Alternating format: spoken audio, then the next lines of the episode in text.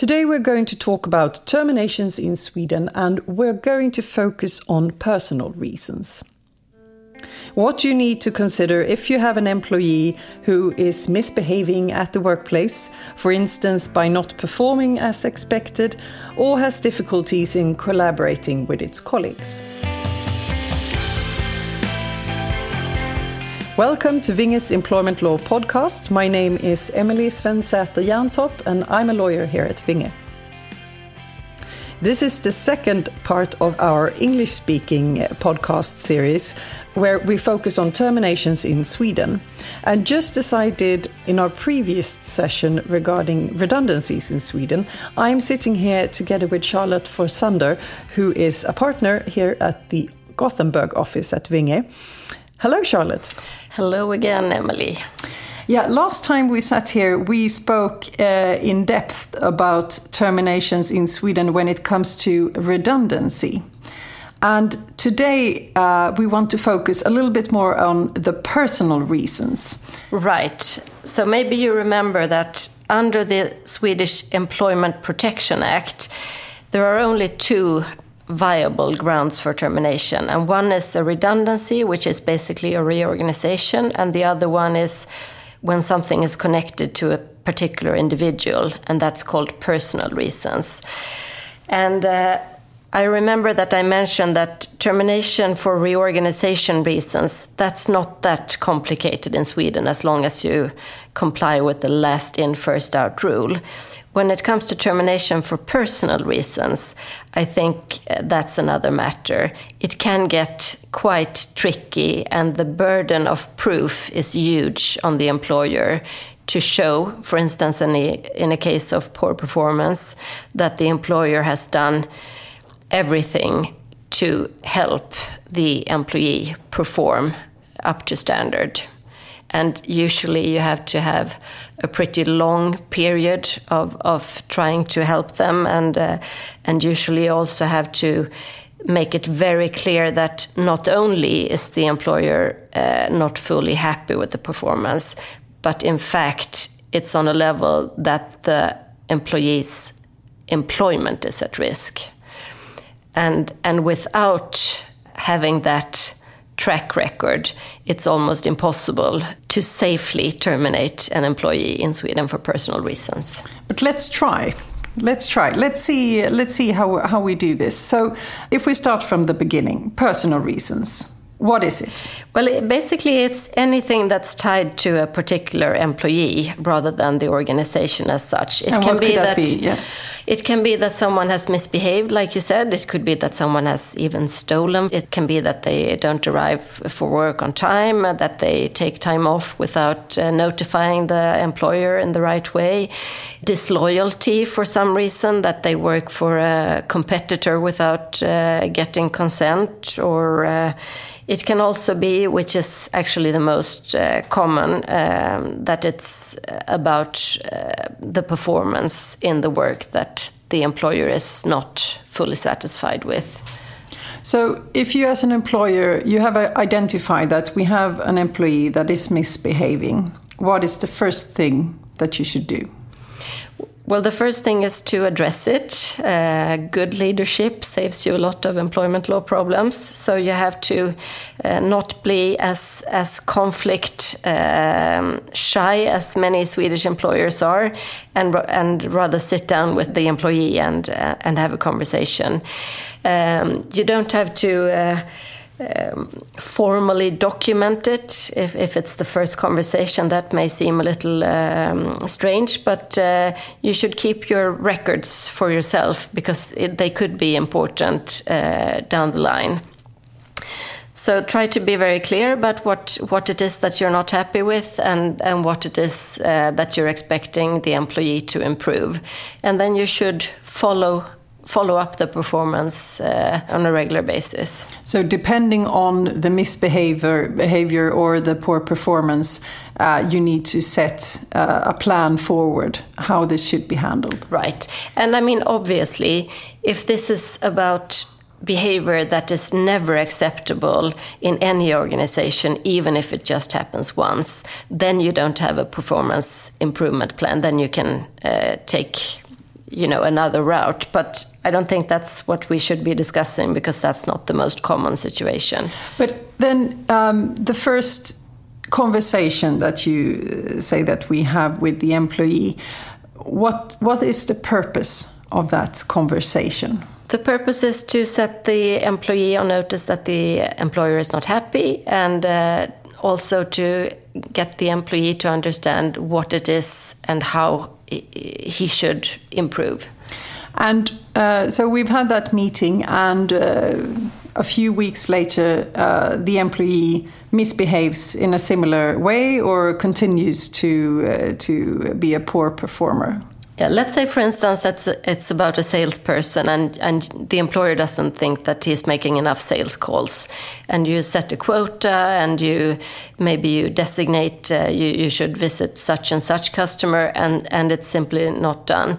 Then you have the second uh, meeting or the third meeting and follow up and say, well, we talked about this and, and it's not happening and uh, we can't continue this. And uh, actually, we're now at the point where uh, we are seriously considered considering terminating your employment, and that should be documented and handed over to the employee uh, so that they know and we, they have in express words that their employment is at risk. And this is what we call the, a warning in Swedish. It's a warning, but it's not uh, the type of warning that you need to um, consult with the union before. So it's more a management warning.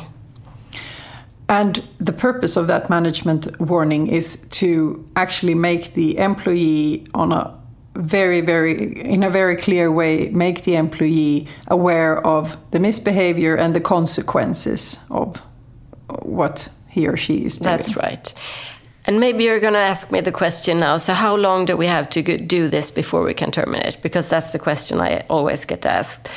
And it's impossible to say because it, it depends on the circumstances, like any lawyer would tell you uh, always. But uh, I mean, to think that you could have this performance improvement process for a shorter period of time than three months, I would say is out of the question. And depending on the situation, it could take up to six months or even longer sometimes. And I have to say, uh, which may be disappointing to employers, that even if you have done this performance improvement process by the book and choose to terminate, the employee can still challenge uh, the termination in court and ask that it is declared invalid by the court. And you would have to defend against that, and that's no picnic for sure. It costs a lot of money, and uh, there is also a badwill risk, of course. And in the end, you could end up with an employee that you have no confidence left for. Right, and it's also, uh, and this is a difference between um, personal reasons and redundancy termination, because in a in a personal reasons termination, if the employee chooses to have the court declare the termination invalid, then the employee has the right to remain in their position, also being present in the workplace for the entire litigation, and that can be at least a year, sometimes more than one year. Uh, and you have to continue paying salary. And even if you win as an employer at the end, so you don't have to take the employee back, you won't be able to recover the salary that you that you had to spend. So for that reason, and also for other litigation risk reasons that I'll get into in a second, most employers don't want to risk terminating unilaterally when it's a situation about performance or other personal reasons, but try to reach a, a settlement agreement instead. But then, uh, let's say that we have issued one or several warnings in this case, and let's say that we have a very strong case. Um, what would be the next step when you, you have tried everything? You have helped the employee. You have you have been very clear with the consequences. What would be the next step? Well, the next step, uh, and that's a it's a formal step. You have to issue what is called a notification of intent to terminate. Uh, that's something that you uh, give to the employee, and you ask them if they're a member of a trade union, and if so, you give the same document to the trade union.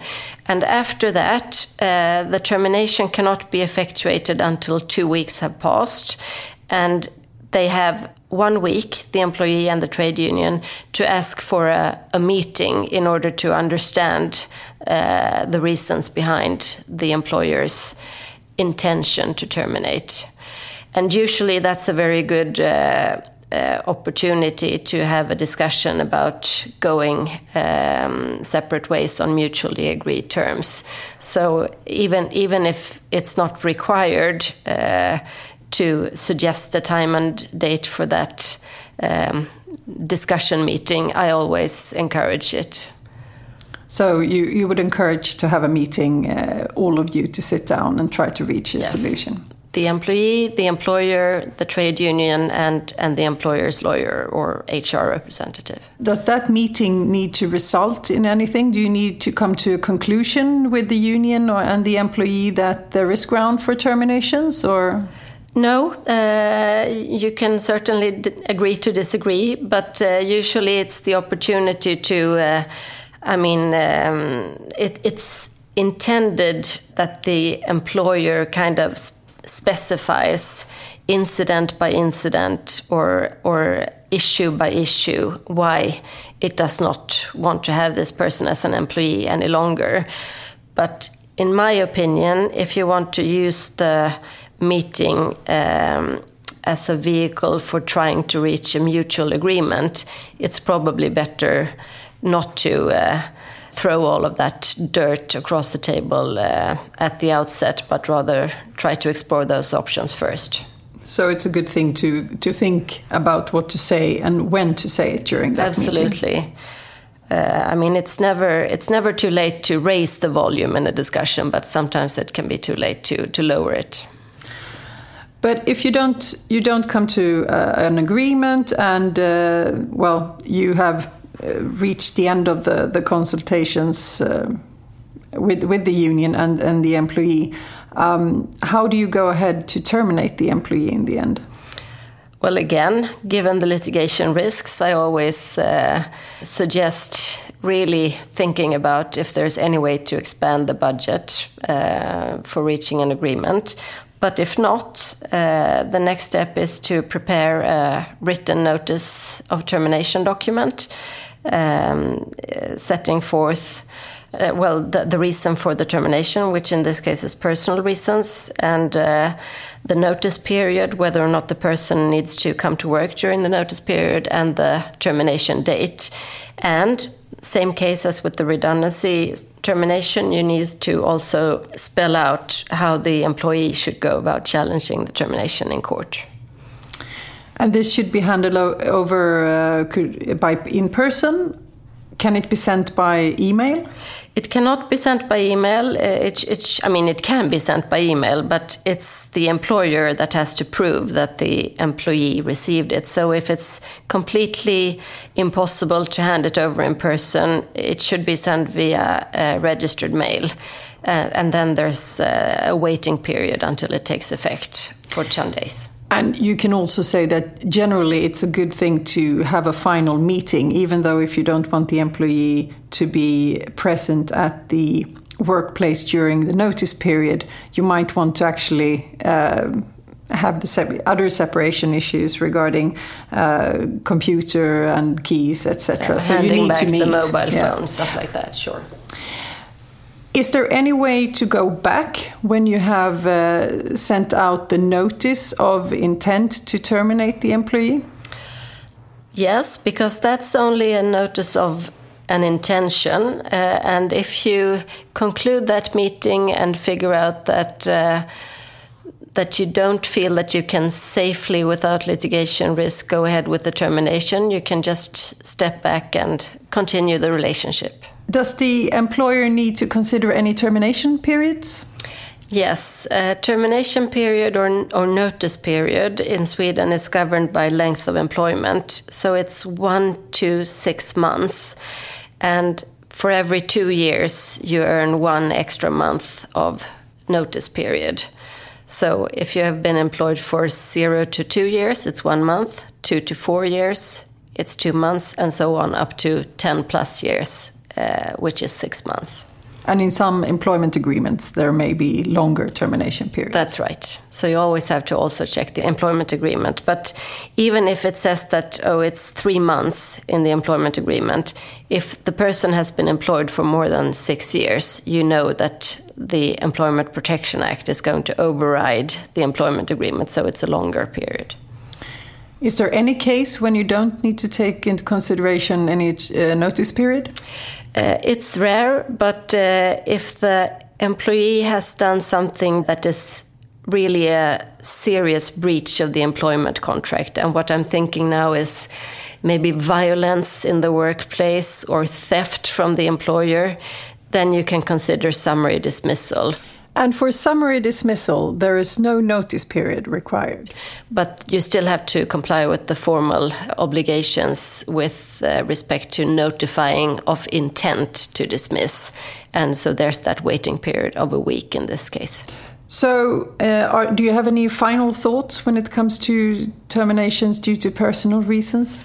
Well, I mean, the, the final thought is uh, what I kind of mentioned as a cliffhanger at the outset. If you uh, terminate for personal reasons and the employee challenges the termination in court, as I mentioned, they have a right to remain in their employment for the duration of the litigation. If you lose as an employer, the court says, no, this wasn't correct.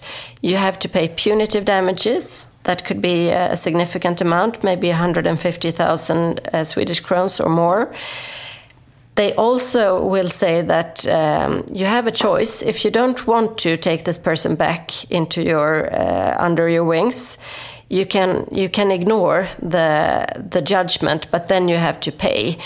And that's a bag of money that goes right into the employee's bank account. And for someone who has been employed for less than 5 years that bag of money corresponds to 16 months salary with an employment period between five and 10 years, it's 24 months' salary. And with an employment uh, period in excess of 10 years, that's 32, three, three two months' salary. So it's a good idea to settle and not take a litigation risk. And that's our final thoughts for today. Thank you so much, Charlotte. Thank you.